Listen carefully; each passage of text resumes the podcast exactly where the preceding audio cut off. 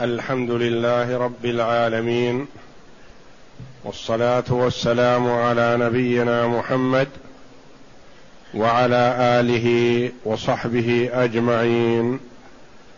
قال المؤلف رحمه الله تعالى عن عبد الله بن عباس رضي الله تعالى عنهما قال مر النبي صلى الله عليه وسلم بقبرين فقال إنهما ليعذبان وما يعذبان في كبير. أما أحدهما فكان لا يستتر من البول وأما الآخر فكان يمشي بالنميمة. فأخذ جريدة رطبة فشقها نصفين فغرز في كل قبر واحدة فقالوا يا رسول الله لم فعلت هذا؟ فقال لعله يخفف عنهما ما لم ييبسا. هذا الحديث أخرجه البخاري رحمه الله في مواضع متعددة من صحيحه. ومسلم رحمه الله أخرجه في كتاب الطهارة. باب الدليل على نجاسة البول ووجوب الاستبراء منه. وكذلك رواه أبو داود والترمذي والنسائي وابن, مي وابن ماجه والبيهقي. فقد رواه أئمة الحديث فهو حديث صحيح ثابت عن النبي صلى الله عليه وسلم.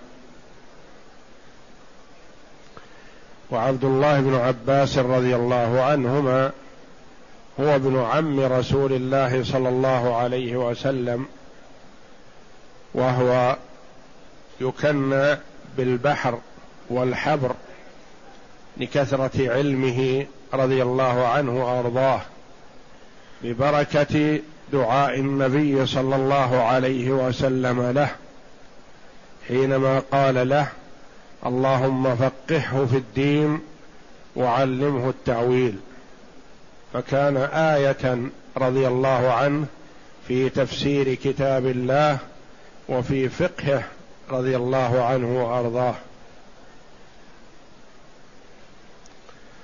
يقول مر النبي صلى الله عليه وسلم بقبرين فقال إنهما ليعذبان يعني يعذب من فيهما. فالله جل وعلا أطلع عبده ورسوله محمدا صلى الله عليه وسلم على حال صاحبي هذين القبرين. فرأى أنهما يعذبان. فخبر صلى الله عليه وسلم بذلك أمته من باب النصح والإرشاد والتوجيه للأمة في السعي في كل خير والحذر من كل شر صلوات الله وسلامه عليه. فهو خبر عن ذلك من باب النصح ومن ناحية الجانب الثاني جانب الستر وعدم الفضيحة لصاحبي هذين القبرين فلم يخبر النبي صلى الله عليه وسلم من هما.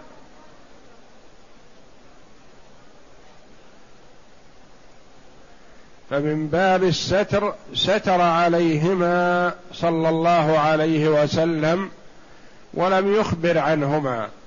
ومن باب النصيحة نصح الأمة لئلا تقع فيما وقع فيه صاحب هذين القبرين. إنهما لا يعذبان. خبر.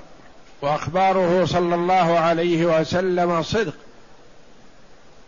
ولا يتم للمرء تحقيق شهادة أن محمدا رسول الله إلا بتصديق النبي صلى الله عليه وسلم فيما أخبر لأنه عليه الصلاة والسلام لا ينطق عن الهوى إن هو إلا وحي يوحى.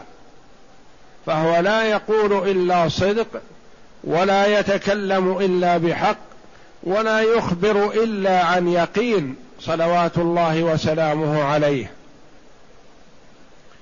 إنهما ليعذبان وما يعذبان في كبير.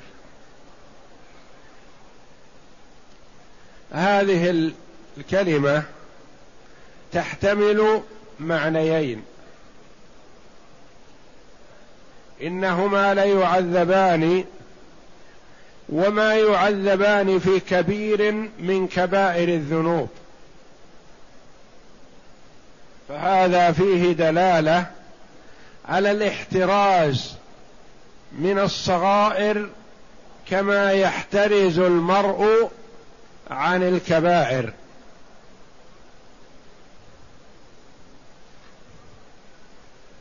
فإذا كان المرء يعذب في الصغائر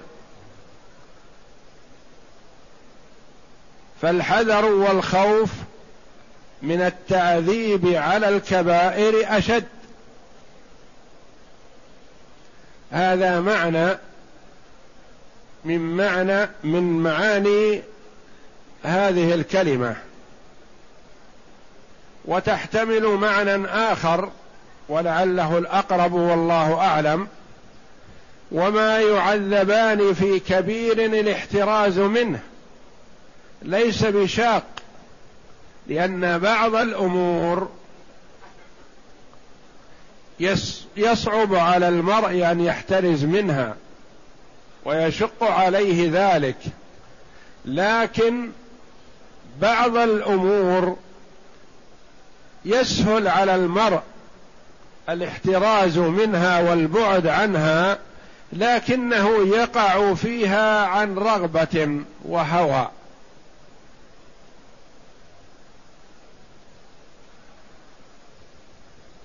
فشيء لا يصعب الاحتراز منه وليس بكبير الاحتراز منه ويسبب عذاب القبر فيجب على المرء أن يتنزه عنه ويبتعد. لما يفعل هذا الشيء الذي يسبب له العذاب وهو يستطيع أن ينجو منه. هل يليق بالعاقل أن يوقع نفسه في العذاب وهو يستطيع الخلاص؟ وما يعذبان في كبير. أما أحدهما فكان لا يستتر من البول. كذلك هذه الكلمة تحتمل معنيين. لا يستتر من البول يعني إذا أراد أن يبول لا يبالي بمن يطلع على عورته. والواجب على المسلم أن يستتر ويبتعد عن رأي العين ولا يتبول بمرأى من الناس بل يبعد. وقد كان النبي صلى الله عليه وسلم إذا أراد أن يقضي حاجته في الفضاء ذهب بعيدا. يذهب فيبعد عليه الصلاة والسلام.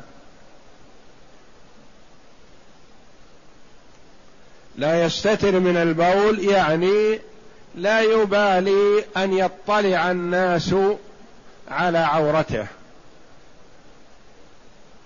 والمعنى الثاني لا يستتر من البول يعني لا يحفظ نفسه من رذاذ البول ورشاش البول ولا يستنقي عند الاستجمار أو عند الاستنجاء يتساهل في هذا وهذا المعنى أقرب من ذاك لأمور منها أنه جعل هذا الاستتار في حال البول. ولو كان المراد كشف العورة فقط. لقال كان لا يبالي في كشف عورته أو لا يستر عورته عن الناس لكنه قال لا يستتر من البول. وكذا ورد في بعض روايات الحديث لا يتنزه من البول وفي بعضها لا يستبرئ من البول. يعني لا يطلب البراءة من البول ولا يطلب النزاهة من البول بل يبول ثم يقوم قبل أن يستبرئ. كذلك ورد عن النبي صلى الله عليه وسلم بأن عامة عذاب القبر من البول يعني أكثر حالات عذاب القبر تكون بسبب عدم الاستبراء من البول. والاستبراء من البول شيء سهل وميسور على المرء. لما يستعجل؟ يستبرئ. لما لا يطلب لبوله مكانا رخوا يذهب فيه البول ولا يكون له رذاذ. لما لا يعتني. بعض الناس إذا أراد أن يبول لا يبالي. والعلماء رحمهم الله نصوا على أنه يطلب الإنسان لمكان بوله مكانا رخوا ومنحدرا لأجل أن ينحدر عنه البول. فلا يرجع عليه. ويكون رخوة الأرض رخوة. علشان لا يكون للبول رذاذ ورشاش يرش عليه. بعض الناس إذا بال لوث قدميه ولوث جسمه بالبول لا يبالي. وإنما يحسن منه أن إن لم يكن البول في مكان معد لذلك يأمن من رذاذه أن ينكت الأرض بعود أو حجر ونحو ذلك لأجل أن يذهب البول في الأرض فلا يكون له رذاذ ولا رشاش ولا يتطاير على جسمه أو ملابسه.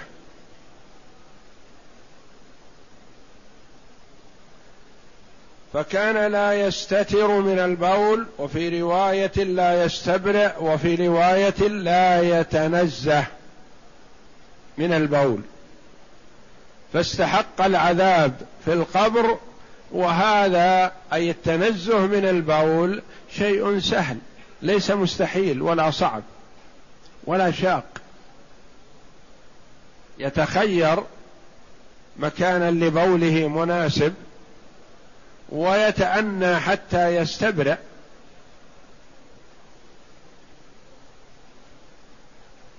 والمسلم يكون نظيفا بعيدا عن الأقدار وأما الآخر صاحب القبر الآخر المعذب فكان يمشي بالنميمة.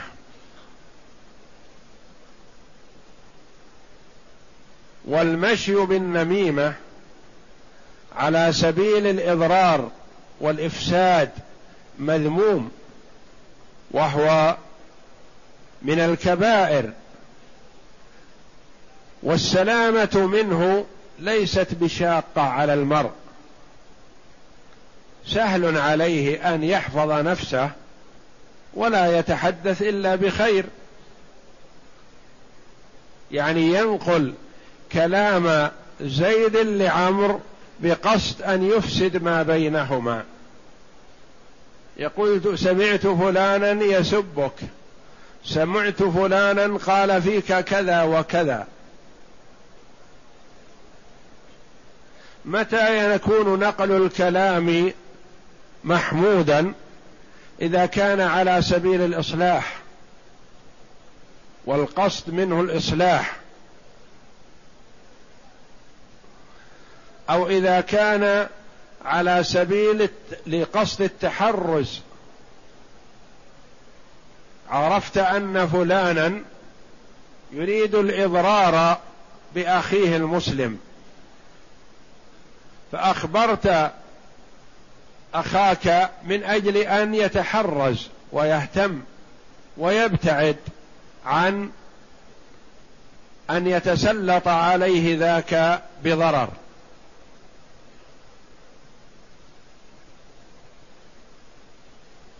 فكان يمشي بالنميمة والمشي بالنميمة مضر بالمجتمع يفرق بين الأخ وأخيه. يفرق بين الأب وابنه. يفرق بين الزوج وزوجه. يفرق بين الجار وجاره. يفرق بين الصاحب وصاحبه. وهذا مذموم. والواجب على المسلم إذا سمع احدا يتكلم بأحد أن ينصحه ولا ينقل كلامه. أن ينصحه أن يذب عن عرض أخيه المسلم.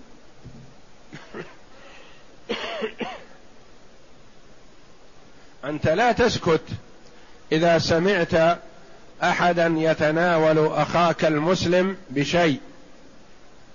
ذب عن عرضه وتكلم ودافع عنه. لكن لا تنقل الكلام هذا إلى المتكلم عنه فتوجد بين الاثنين الضغينة والبغضاء.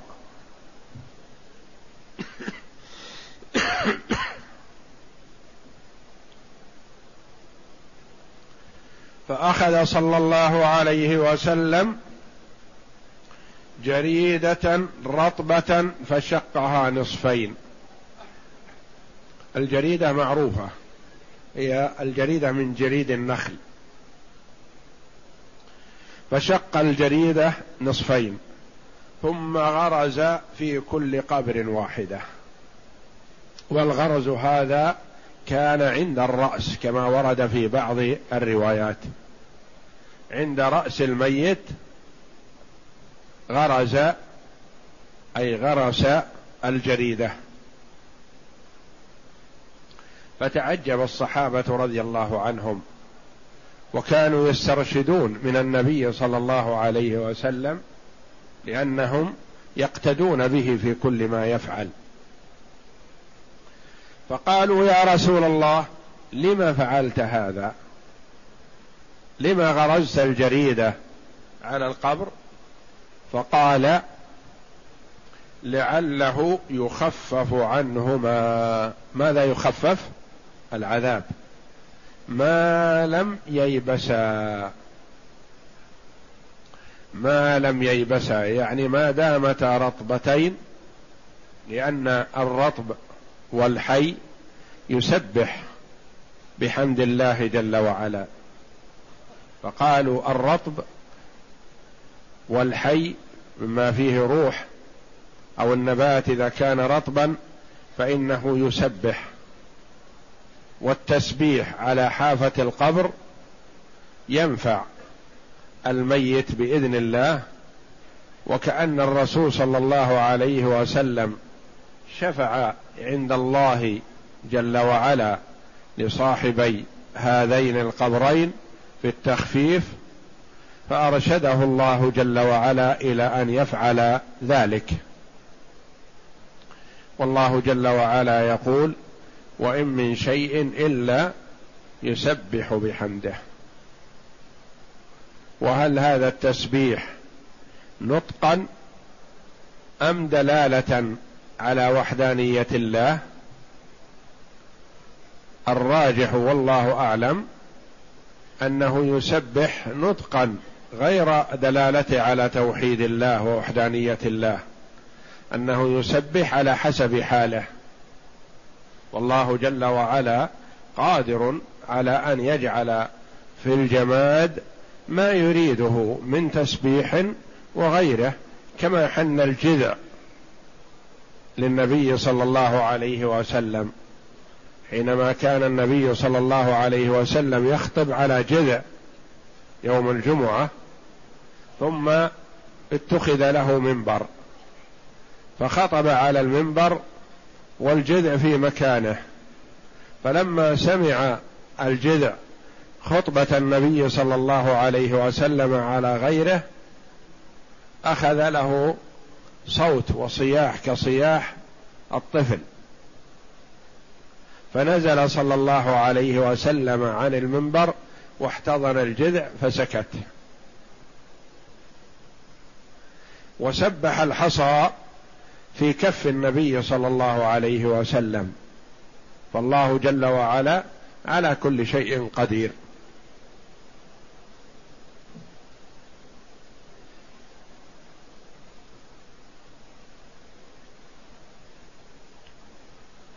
ففي هذا الحديث التحذير من هاتين الصفتين الذميمتين.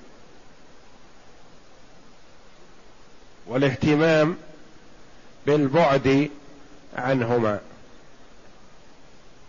وفي هذا الحديث دلالة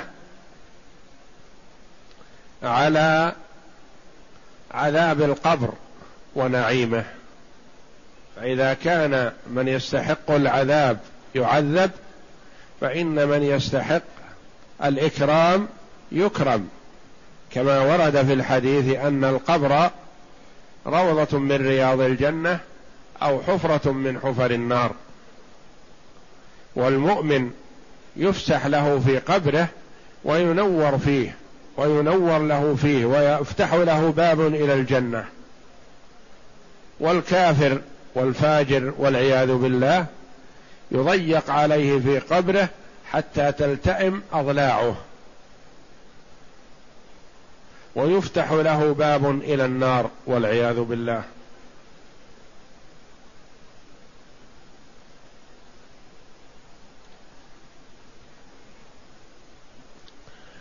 وشفقة النبي صلى الله عليه وسلم على الأمة في حق هذين صاحبي القبرين أشفق عليهما. وفي حق الأمة نصح صلى الله عليه وسلم للأمة فنبههم على ما يسبب عذاب القبر من أجل أن يتحرزوا من ذلك. ثم هل يسوغ لنا أن نفعل ما فعل النبي صلى الله عليه وسلم؟ قولان للعلماء. قال بعض العلماء نعم إن النبي صلى الله عليه وسلم فعل ذلك على سبيل التشريع. فيشرع لنا أن نضع على القبر مثلا جريدة أو بعض جريدة من أجل أنها تسبح فينفع التسبيح بإذن الله صاحب القبر. واستدل هؤلاء بأن بريدة بن الحصيب رضي الله عنه أمر بأن يوضع عند قبره جريدة أو جريدتين.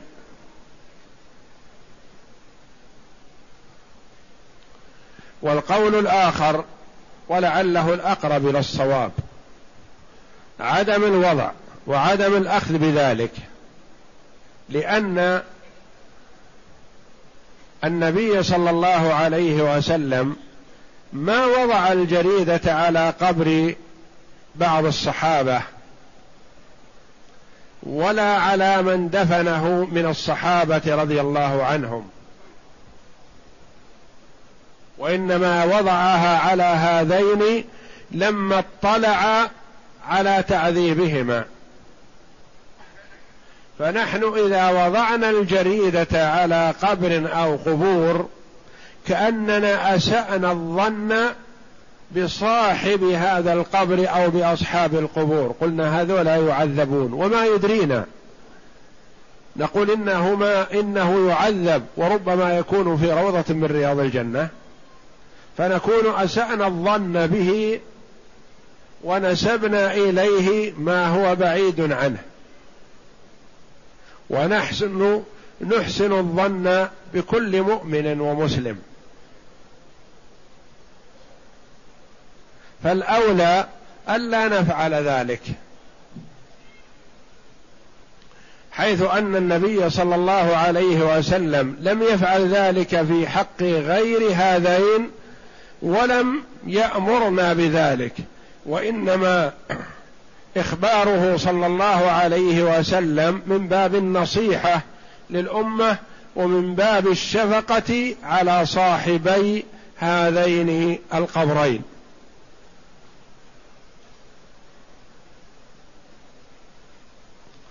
وكون الصحابة عموما لم يفعلوه يدل على أنه لا ينبغي أن يفعل. وفعل بريدة بن الحصيب رضي الله عنه مع مخالفة الصحابة له في ذلك لا يدل على جواز هذا. وبريدة رضي الله عنه لم يفعله في حق غيره وإنما أمر بأن يوضع عليه وهذا من باب غمط النفس. وكون الإنسان يزدري نفسه ويحتقر نفسه هذا حسن. لكن يحتقر الآخرين أو يسيء الظن بالآخرين لا. فيقول أنا المذنب أنا المسيء مثلا لكن لا يخاطب أخاه المسلم فيقول يا مسي يا مذنب. وهكذا فالأولى الا يفعل ذلك.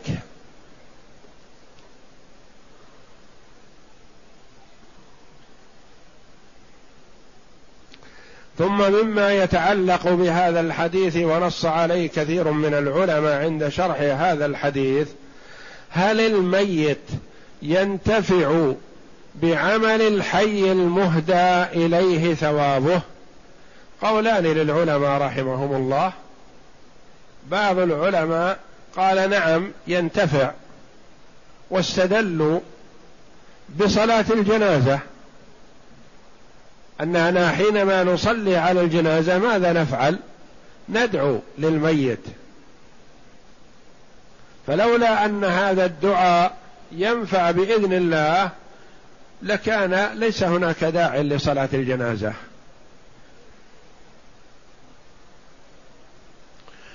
والرجل الذي سأل النبي صلى الله عليه وسلم هل ينفع أمه إن تصدق عنها؟ قال له نعم. ودعاء المسلمين بعضهم لبعض. ربنا اغفر لنا ولإخواننا الذين سبقونا بالإيمان. ولا تجعل في قلوبنا غلا للذين آمنوا. لولا أن ذلك ينفع لما أمرنا الله جل وعلا بأن ندعو لمن سبقنا بالإيمان من سلفنا الصالح.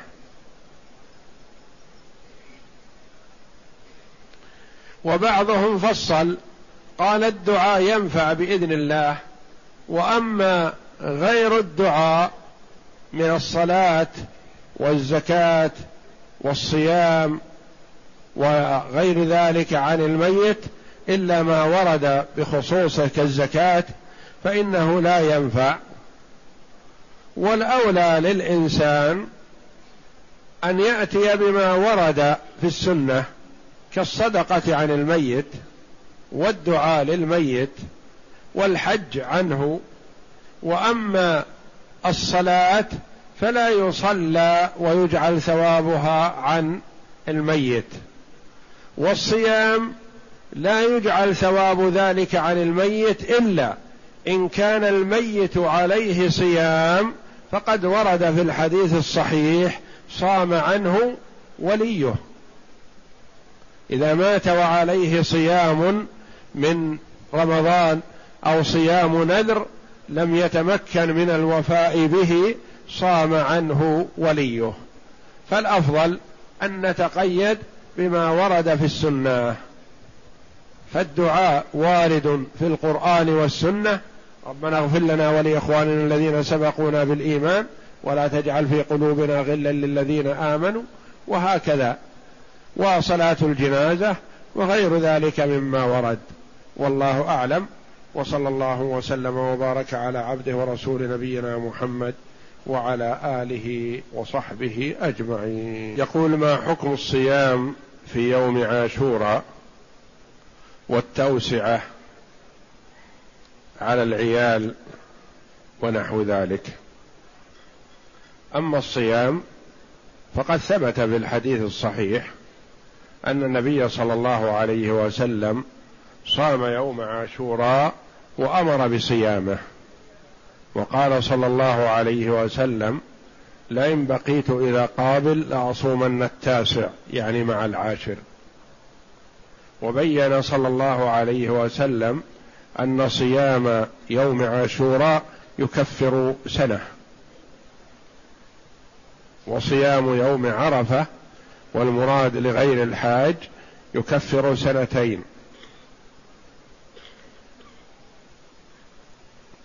فيستحب صيام يوم عاشوراء ويستحب أن يصام قبله يوم وبعده يوم أو يوما قبله أو يوما بعده.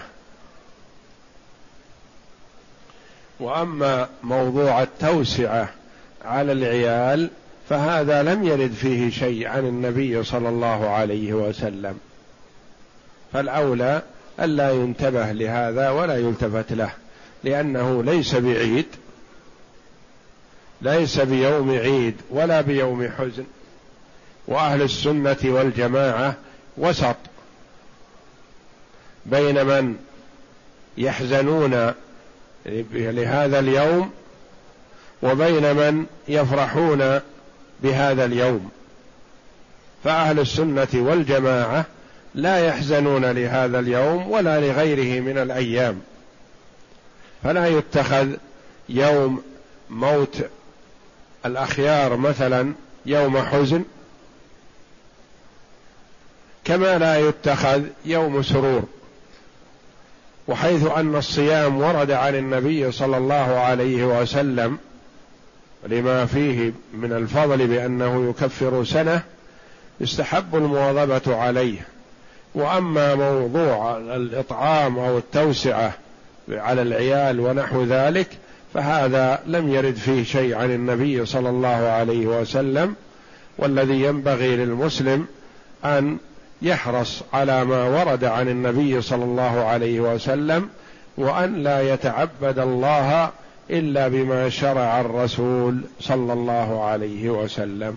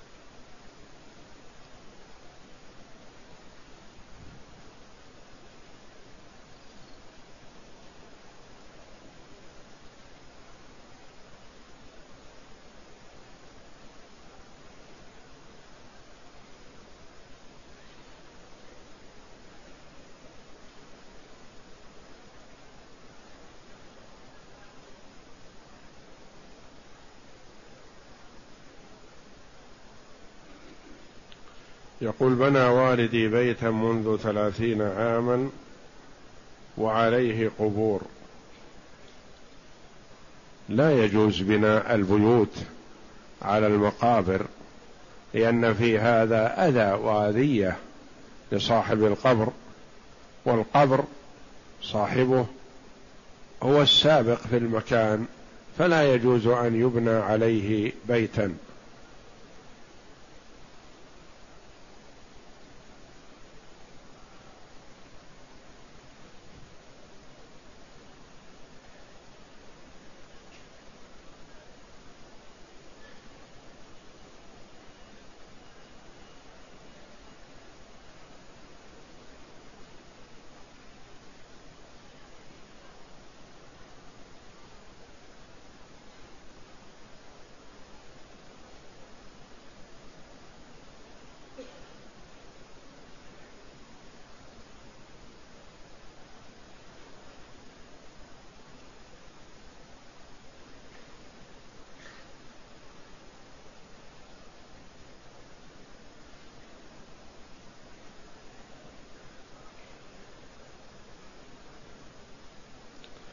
يقول هل للرسول صلى الله عليه وسلم أو يمكن أن ينسب إليه خصائص تخصه غير ما أخبر به صلى الله عليه وسلم أنه من خصائصه؟ الأصل أن الرسول صلى الله عليه وسلم يجري عليه ما يجري على غيره من المسلمين. فليس له خصائص إلا ما ورد الدليل. وأما إطلاعه على شيء من المغيبات فهذا وارد يعني أنه يطلع. لا نقول إن الرسول صلى الله عليه وسلم يعلم الغيب وإنما يطلعه الله جل وعلا على بعض المغيبات فيخبر بها صلى الله عليه وسلم.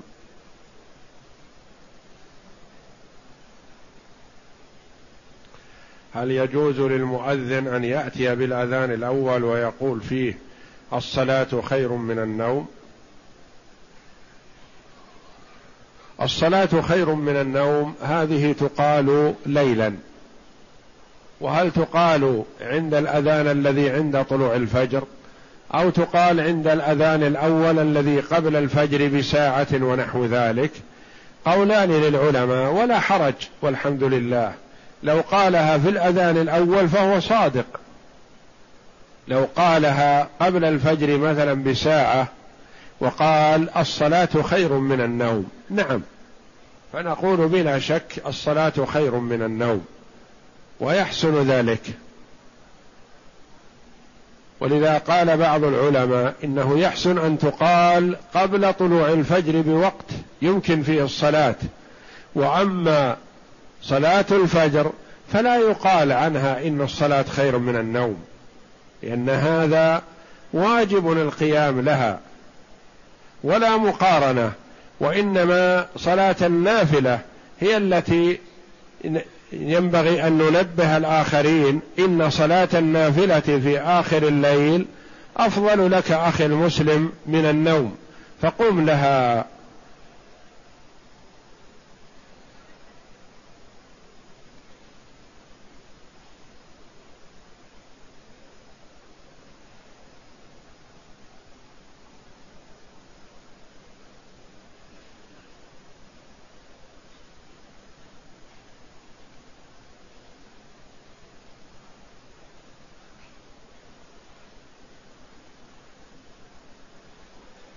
يقول فقدت لباس الإحرام فلبست ملابسي العادية وأحرمت بها من الميقات فهل علي شيء؟ إذا كان إحرامك بها في القدر الضروري كالسروال ونحوه فليس عليك شيء حتى تجد الملابس ملابس الإحرام الإزار والرداء. وأما إذا كنت لبست ملابس زائدة عن الحاجة عن ستر العورة فلا يخلو. إن كنت لبستها جهلا أو نسيانا فلا شيء عليك. وإن كنت لبستها وأنت لا تجهل ولم تنسى وإنما لبستها لغرض فعليك الفدية. وفدية ذلك إطعام ستة مساكين أو صيام ثلاثة أيام أو ذبح شاة. أنت بالخيار بين هذه الأمور الثلاثة.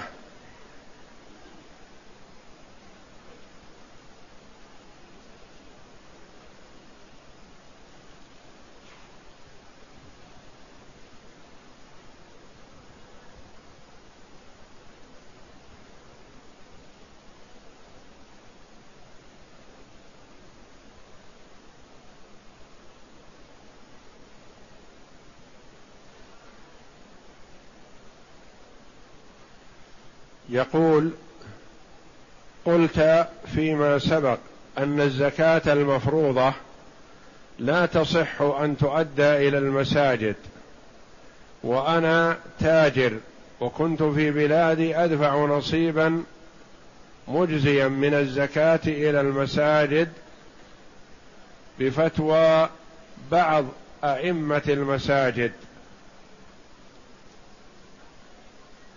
وأقول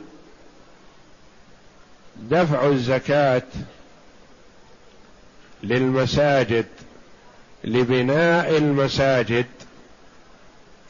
لا يصح إلا على قول ضعيف من أقوال العلماء رحمهم الله حيث أدخل بعض العلماء في قوله تعالى وفي سبيل الله كل مشروع خيري وعمل بر. وأدخل في ذلك بناء المساجد والمدارس وإجراء المياه ونحو ذلك. وهذا قول ضعيف من أقوال العلماء رحمهم الله. وأما إذا كنت تقصد أخي في دفعها للمساجد يعني أن فيه لجنة في المسجد تجمع الزكاة ثم توزعها على المستحقين من جماعة المسجد فهذا لا بأس به.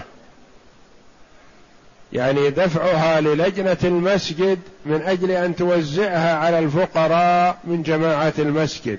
هذا لا بأس به ومجزي.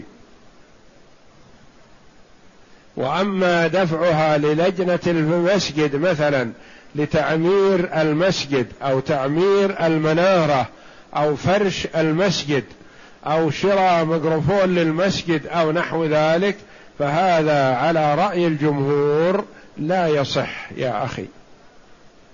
ولا تنظر إلى من أفتى بفتوى ربما يكون له مصلحة فيها.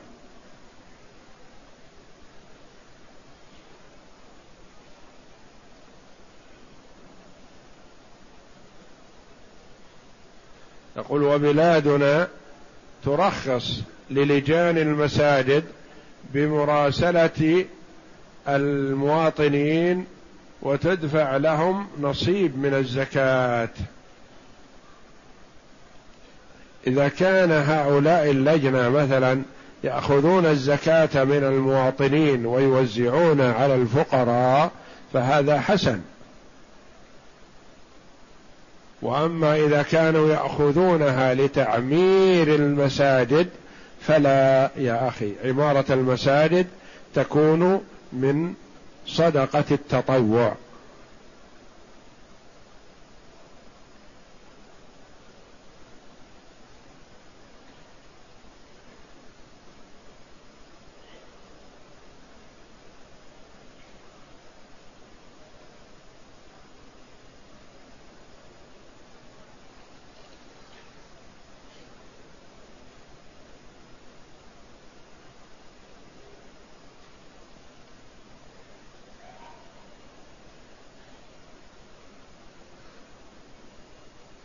هذا الذي بينه وبين صاحب الفندق خلاف. هذا مرده للقاضي وليس فتوى لأن صاحبك ليس معك يدلي بحجته.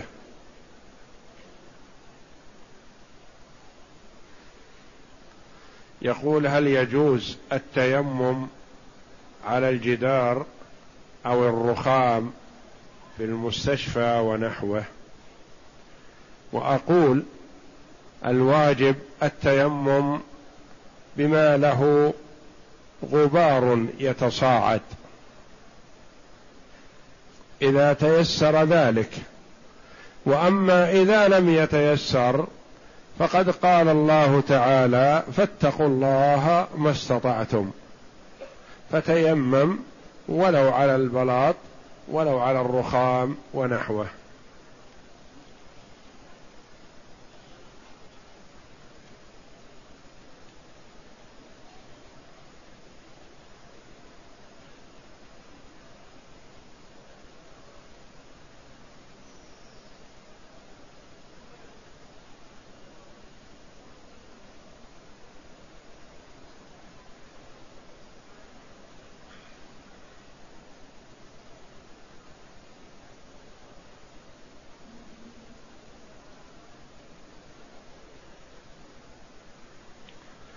تقول السائلة لي بنت عمرها شهر ونصف.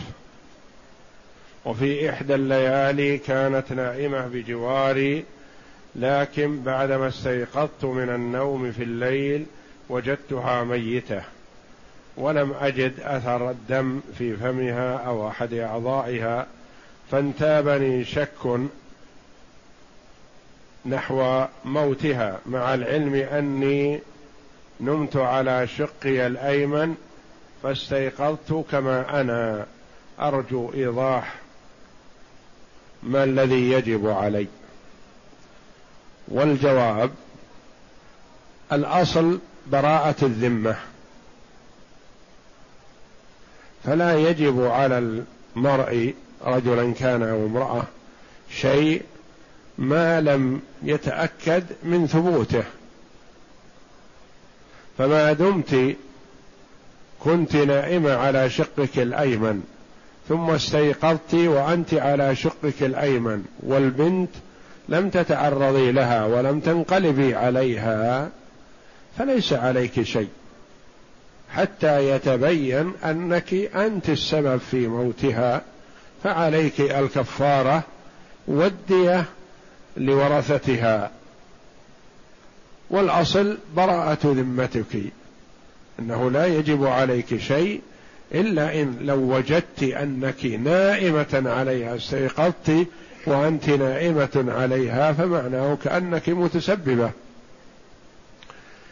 والموت بيد الله جل وعلا كم من شخص يسجد سجود ولا يقوم ينام ولا يستيقظ وهكذا. إذا تم الأجل فإذا جاء أجلهم فلا يستأخرون ساعة ولا يستقدمون.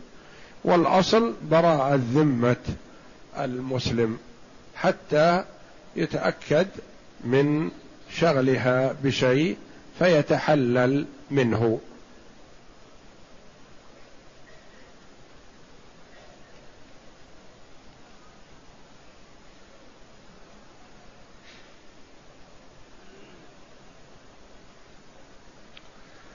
هل يجوز للمرء أن يقوم بطواف الإفاضة عن الشخص المريض؟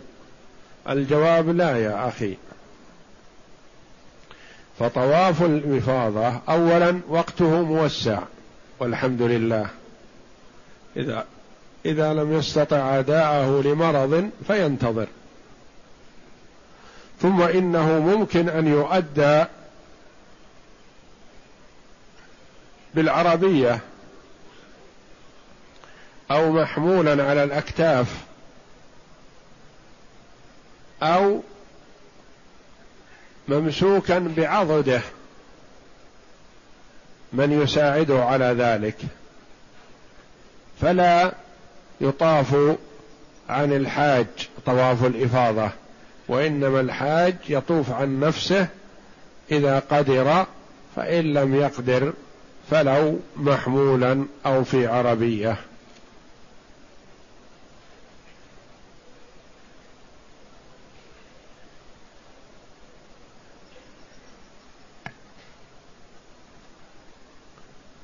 ما هي كيفية سجود السهو؟ هل له تكبير وتسليم؟ وهل يشترط له الوضوء؟ اولا سجود السهو يكون في الصلاة. والصلاة اشترط لها الوضوء. فسجود السهو جزء من الصلاة. وسجود السهو يصلح قبل السلام ويصلح بعد السلام.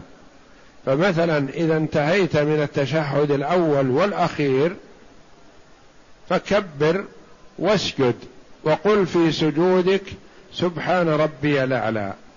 ثم ارفع واجلس بين السجدتين كما تجلس في الصلاة فتقول رب اغفر لي. ثم اسجد وقل سبحان ربي الأعلى. فإذا رفعت فكبر وسلم بعد ذلك.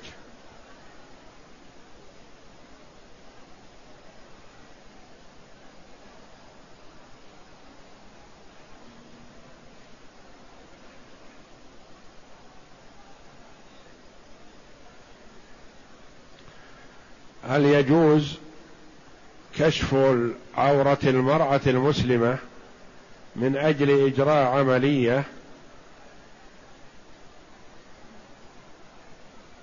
بقصد الإنجاب؟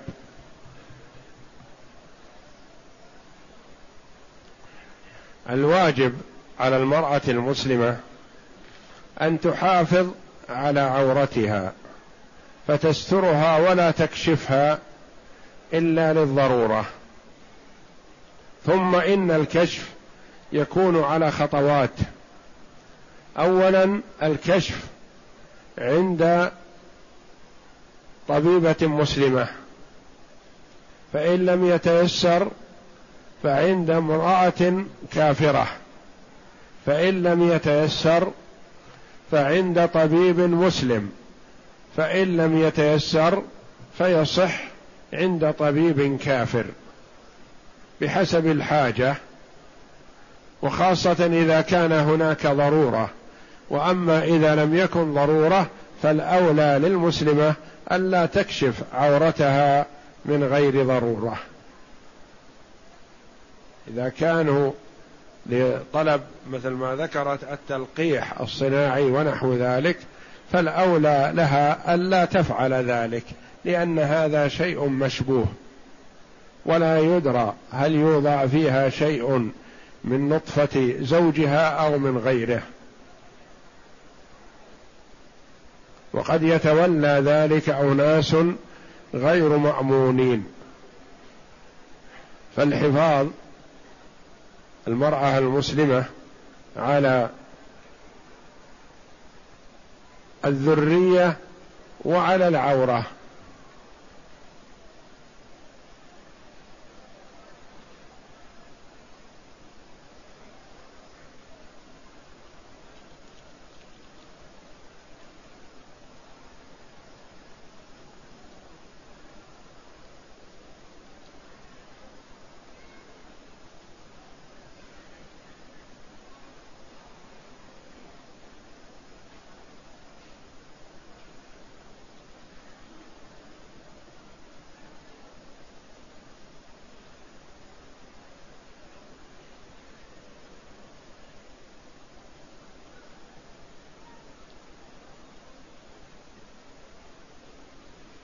تقول قمت بالحج هذا العام وأنا نفساء.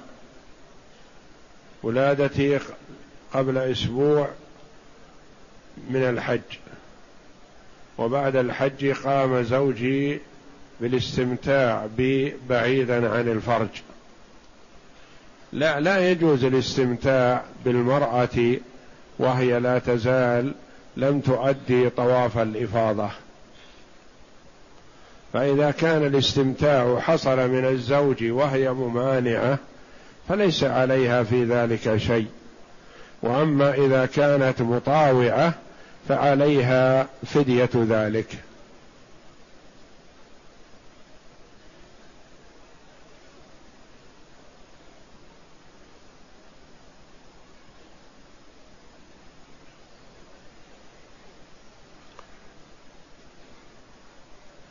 تقول السائلة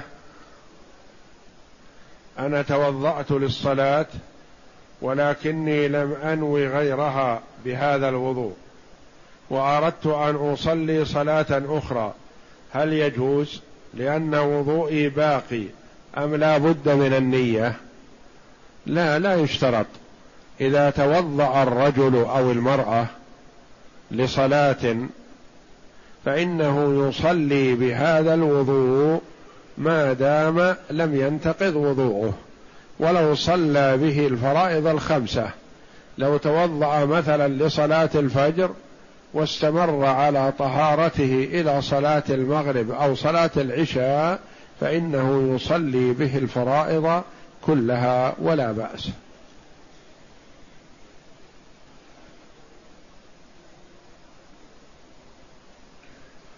الشغار يقول ما معنى الشغار وما حكمه.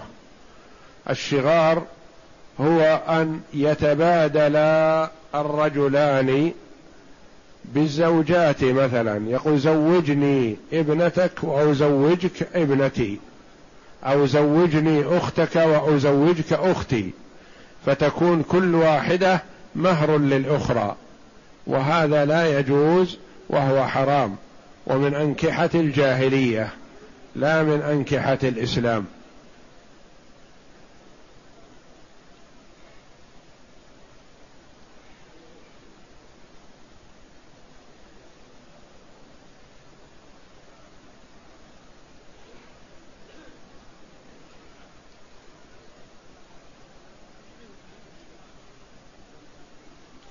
ما حكم من وقف بعرفة ثم أصابه مرض؟ ولم يتمكن من طواف الإفاضة والسعي فطلب من غيره أن ينوب عنه. لا يا أخي ما ينوب عنه؟ وطواف الإفاضة والسعي وقته موسع والحمد لله. فإذا لم يتمكن منه في الحال فينتظر حتى يتمكن منه ويصح أن يطوف ويسعى راكبا أو محمولا.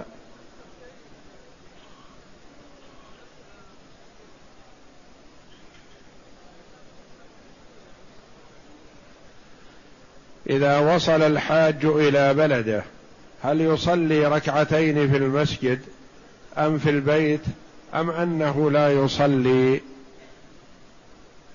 يستحب له أن يبدأ في المسجد.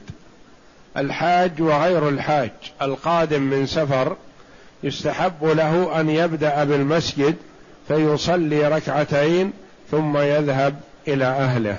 وهذا استحباب لا وجوب.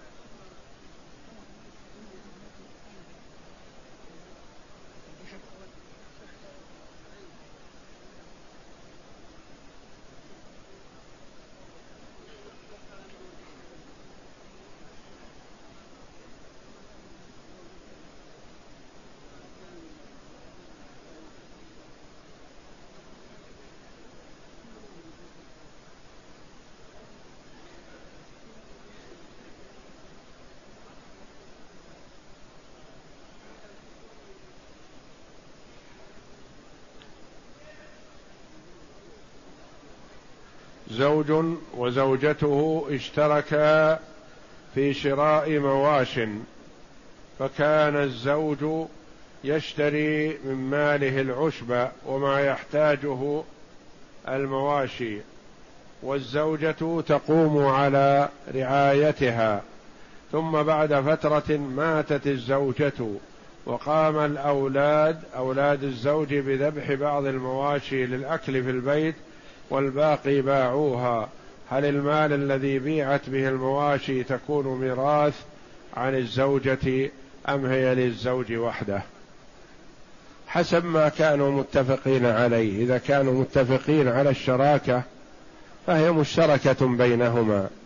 وإذا كانت القيمة من مال الزوج والزوجة عادة تقوم على مال زوجها بما يصلحه فليس لها شراكة في هذا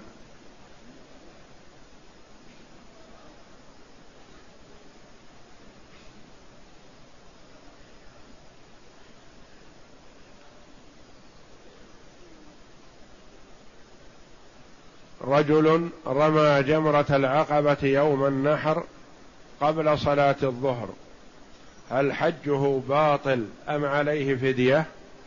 لا يا أخي حجه ليس بباطل وليس عليه فدية. وهذا هو الوقت وقت الرمي. ما دام رمى يوم العيد قبل صلاة الظهر فلا بأس عليه. ووقت رمي جمرة العقبة من بعد الانصراف من مزدلفة من بعد منتصف الليل إلى الليل ثم يستمر من الليل إلى قرب إلى طلوع الفجر. فالوقت فيه سعة ولا يستحسن للإنسان أن يقول حجه باطل أو كذا بهذه العبارات القوية. حجه صحيح ولا شيء عليه.